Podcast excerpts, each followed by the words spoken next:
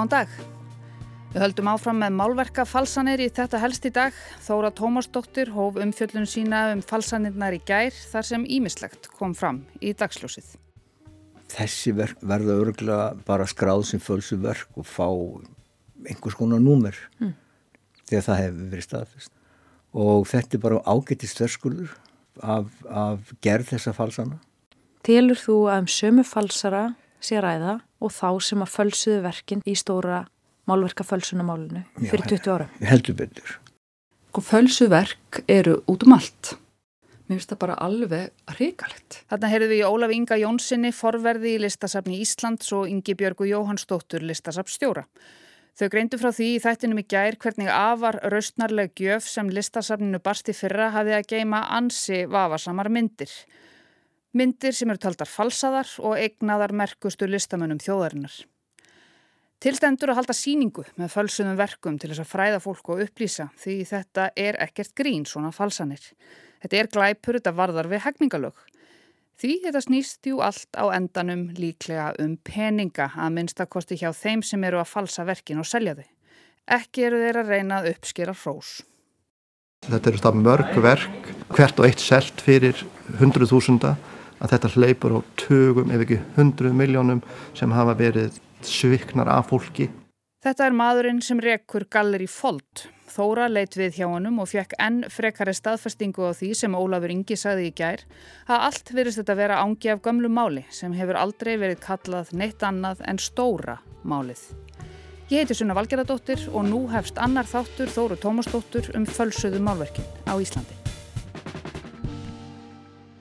þá kynist maður eh, ekki eftir Guðmundsinni, Guðmund frá Miðdal, Jóni Engibers, Kjarval, sérstaklega þessum mannum og umgæst á töluvert. Þarna heyrðu við í Þorvaldi í síld og fisk, eins og hann var alltaf kallaður.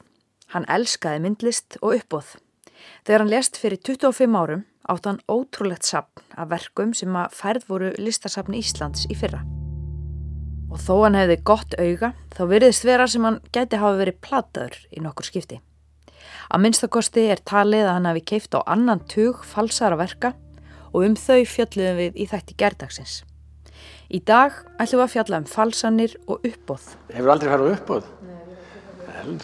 Endilega farið á uppbóð. Það er mjög skemmtilegt það er mjög gaf, það er, er ævintýri líka sko, sjá þetta, þegar uppbórshaldar en kemur tölvöldnar og býður nokkuð betur, býður engi betur. Þetta er ágætismynd, þetta er ágætismynd þetta er, hann er nýtt áður þessi og nú er hann hækkið verði og allt þess og þar þetta er svona, þetta er, þetta er skemmtilega heldur en bingo til dæmis. Fleiri reynsluboltar í listheiminum segjast oft og reglulega hafa fengið verkin og sitt borð eftir falsara úr stóra málverkafölsunamálinu Nú heyrum við dæmi sem uppkom í aðdraganda uppbós í Galleri Fold fyrir um það byrj viku síðan. Og passið ykkur að rúglega ekki saman Galleri Fold sem er enn starfrækt á Rauðróstíg og Galleri Borg sem tengdist gamla sagamálinu og er ekki lengur til. Dægin. Dægin. Er þetta út að koma hérna Jóhann? Já. Takk. Þóra. Sæl, Jóhann. Sæl. Jóhann Ágúst Hansen er framkvæmdastjóri og uppbóðstjóri hjá Galleri Folt. Hann er að undibúa stærðar uppbóð sem á að halda þar eftir nokkra daga. Við undibúningin vakti vasslitaverk eignað þekktum málara, sérstakar grunnsemdir. Þegar ég kom í heimsókn lág verkið á gólfinu inn á skrifstofu Jóhanns en hún er drekklaðin verkum í holv og gólf. Myndin átti sem sagt að fara uppbóð en henni var kift út af sölusgrá á loka metrónum. Hann heldur á hans í fölsuð. Þannig erum við með verk sem er eignað Þorvaldur Skúlasenni. Þetta er verk sem var komið með til okkar til að setja í sölu eins og, eins og fjölmörg önnur og þetta er að koma úr búimanns sem er verið að gera upp. Ættingar hans eru, eru að gera upp búið, kom sjá hérna verk sem hefur verið á heimilið þeirra í áratvíi og vilja selja það. Við tökum við því og byrjum, það er bara skrásett og þetta er Þorvaldur Skúlason, þetta er verk sem, sem búið að vera heimilinu lengi þannig að við skráum þetta bara inn og síðan fer það hérna upp í, upp í hillu. Þetta er innramað vasslitaverk, kannski meter sinnum 60 cm af einhvers konar bryggju eða höfn.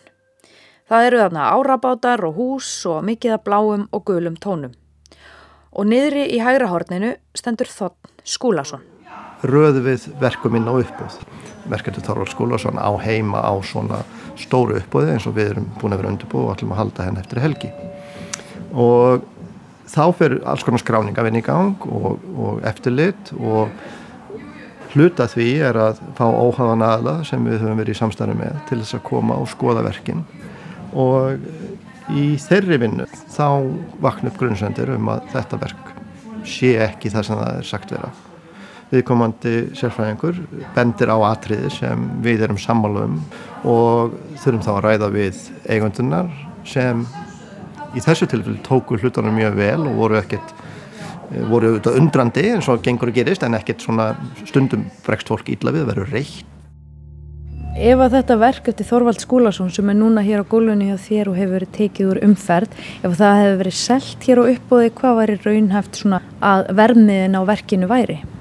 Sko þetta er ekkit selja stór varslitamind eftir hann hefði kannski selst á 5-600 þúsund. Það var Ólafur Ingi Jónsson, forverður sem skoðaði verkin fyrir stóra uppbóð Jóhans og félaga í Galleri Folt fyrir skömmu. Það sem að samfæri mig um það að það sé eh, sumu falsættir einfallega með hvaða hætti eh, þau eru undirut. Það er með nákvæmlega sama hættu efnum sem eins og finnast í fölsunumólun. Ólafur taldi verkið alls ekki vera eftir Þorvald Skúlason, líkt og sagt var. Heldur svikið verk úr smiðju falsarana úr stóra málverkafölsunamálinu. Við höfum allatíð lagt mikinn trúnað í það vinnu sem Ólafur hefur verið að gera og stuttan í þeirri vinnu. Þannig að ég trúi því að þetta sé að koma úr sömu átt, sérstaklega vegna þess að við höfum fundið skráningar á uppbóðum þar sem að þetta tiltekna verk hefur verið selt hjá þessum aðlum. Þetta verk var selt hjá Galleri Borg 1994. Atbyrðarásinn sem fór í gang hjá galleríinu vegna hins meinta Þorvaldar Skúlasonar verks er alls ekki að gerast í fyrsta sinn. Jóhann segist margóft hafa lent í sömu stöðu. Í vetur hafi tvö verk rataðin og borð til hans með sveipuðum hætti. Verk sem átt að vera eftir listakonuna Kristínu Jónsdóttur en talin voru fölsuð. Og eins og við sögðum frá í síðasta þætti þá er margt sem fyrir hringi í þessari líilegu sögu af Galleri Borg og Málverkafölsunum. Galleri Borg seldi fleiri verk sem eignuð voru Þorvaldi skúlasinni. Rivjum aðeins upp frétt frá árunnu 2010. Komiði sæl, nú hefjast fréttir laugardaginn 14. ágúst. Málverki mertu Þorvaldi skúlasinni hefur tvívegis verið skilað aftur til Galleris Borgar vegna grunnsum að það sé falsað. Seljandin vísar ásökunum um falsað verk á bög og hyggst fara með málið fyrir domstóla. Fyrri kaupandin sem ekki vill láta nafnsins getið festi kaupaverkinu í mæ. Hann fann ólíulitalikt af 30 ára gömlu verkinu og leitaði skýringa hjá seljandanum Pétri Þór Gunnarsinni eigenda Gallerís Borgar.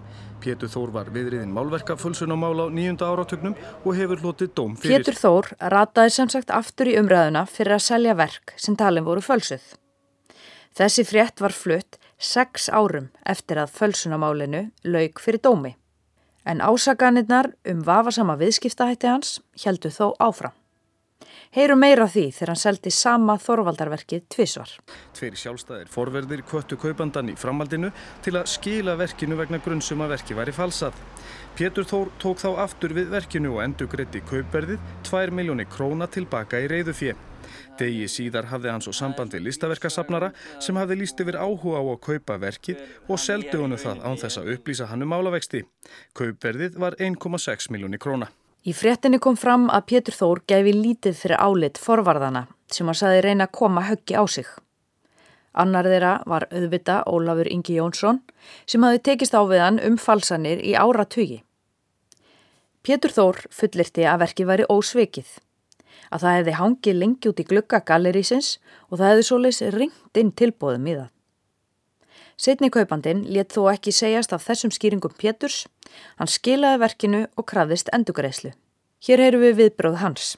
Það var sagt ég geti skilað henni, ég myndi nú ekki fá hann að greita strax, þannig að ég fekk aðra myndir í staðin. Vartu sáttu við lyktir málsins? Ég, nei, ég er ekki sáttur við lyktir málsins. Þetta var sem sagt setni kaupandi Þorvaldarverksins, skúli Tómas Gunnlaugsson, sem þarna var nýfarin að sapna myndlist og var orðið nokkuð umsjöfamikill. Á þessum tíma hafði hann aðalega áhuga á móternistum eins og Svavari Guðnasinni, Guðmundu Andrestóttur og Þorvaldi skúlasinni. Skúli Tómas er læknir sem í setni tíð hefur sjálfur verið í kastljósi fjölmila, borinn þungum sögum um starfsætti sína á heilbreyðstofnun Suðurnesja.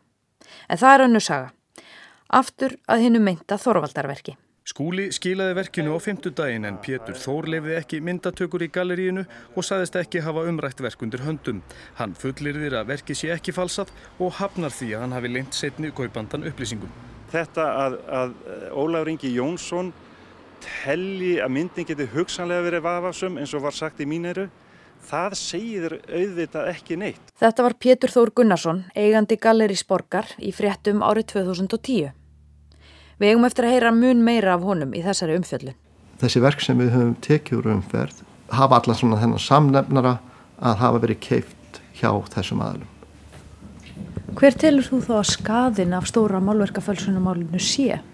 Hann er fyrst og fremst skadi fyrir listamennina þar sem að orðsbor þeirra hefur verið skemmt og svo er þetta fjárháslegt, fjárháslegu skadi hann eh, snýr ekki bara að þeim sem keipti falsaverk og tapaði 200 skalli eða 500 skalli. Þetta snýst um uh, líka fjárháslega afkomu þeirra listamanna sem umræðir eða erfingja þeirra að það hefur mingað virði þeirra verka sem þeir skildu eftir sig. Þetta eru það mörg verk hvert og eitt selt fyrir hundruð þúsunda að þetta hleypur á tögum ef ekki hundruð miljónum sem hafa verið sviknar af fólki. Þannig að þetta, þetta er gríðalegu skadi ef maður vil bara horfa á fjárherslega hlutan sko. en fyrst og fremst finnst mér að vera orðspor listamannuna Jóhann segir fólki í listheiminum ráðalöst þegar grunur leiki á fölsunum. Lítið sé að gera þegar langur tími líði frá viðskiptunum. Það er hægt að fara með þetta til lauruglunar kæra. Uh, hún er undirmönnu, það mun ekkert gerast þar það er ekkert ofinbært apparat sem getur tekið við þessu. Þannig að í sjálfum sér býst ég ekki við að komi neitt út úr þessu nema það verki verið kannski rannsakað aðeins af, af uh, þeim aðlum hérna sem eru að hugsa um þessu mál. Síðan fyrir verki bara aftur til eigandans sem verður að taka ákvörðum hvort hann vilji farga því eða, eða hengja það aftur upp á vekk Jóhann er ekki að viðra þessar áhyggjur í fyrsta sinn og hann er heldur ekki svo fyrsti sem gerir það. Svona voru fréttir fyrir nýju árum. Hljóðið í þáverandi formanni sambands íslenskra myndlistamanna var bara mjög svipað haustið 2014. Fölsuðu málverkin úr stóra málverka fölsunamálunu svo kallaði eru hugsanlega komin aftur á markað.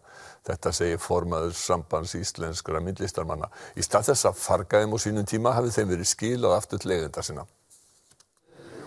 Lögreglan í Kaupmannahöfn rannsakar nú tvö málverk eignuðu svafar í Guðna sinni listmálara en þau átt að bjóða upp í fyrradag.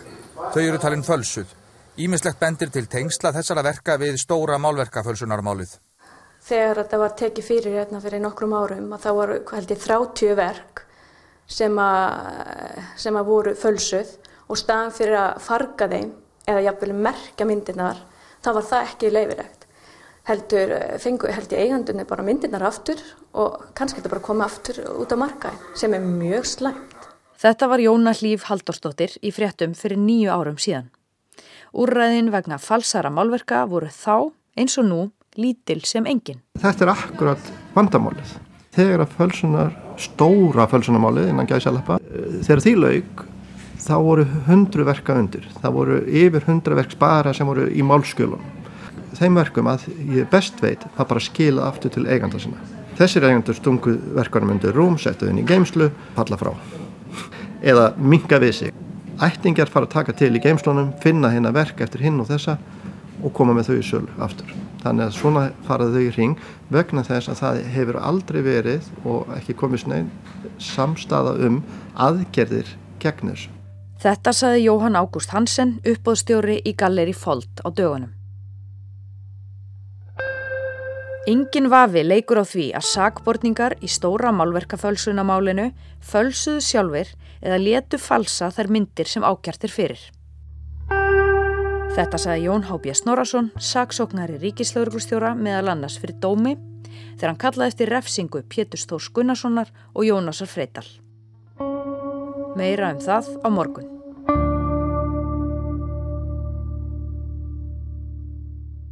Þetta var þáttur nummer tvö í sériu Þóru Tómasdóttur um málverkafalsanir á Íslandi í fortíðinni, nútíðinni og mjög líklega framtíðinni. Á morgun kafar Þóra betur ofan í stóra málverkafölsunarmálið því sjaldan á sagan jafn mikið erindi við það sem er að gerast í dag og í nákvæmlega því máli.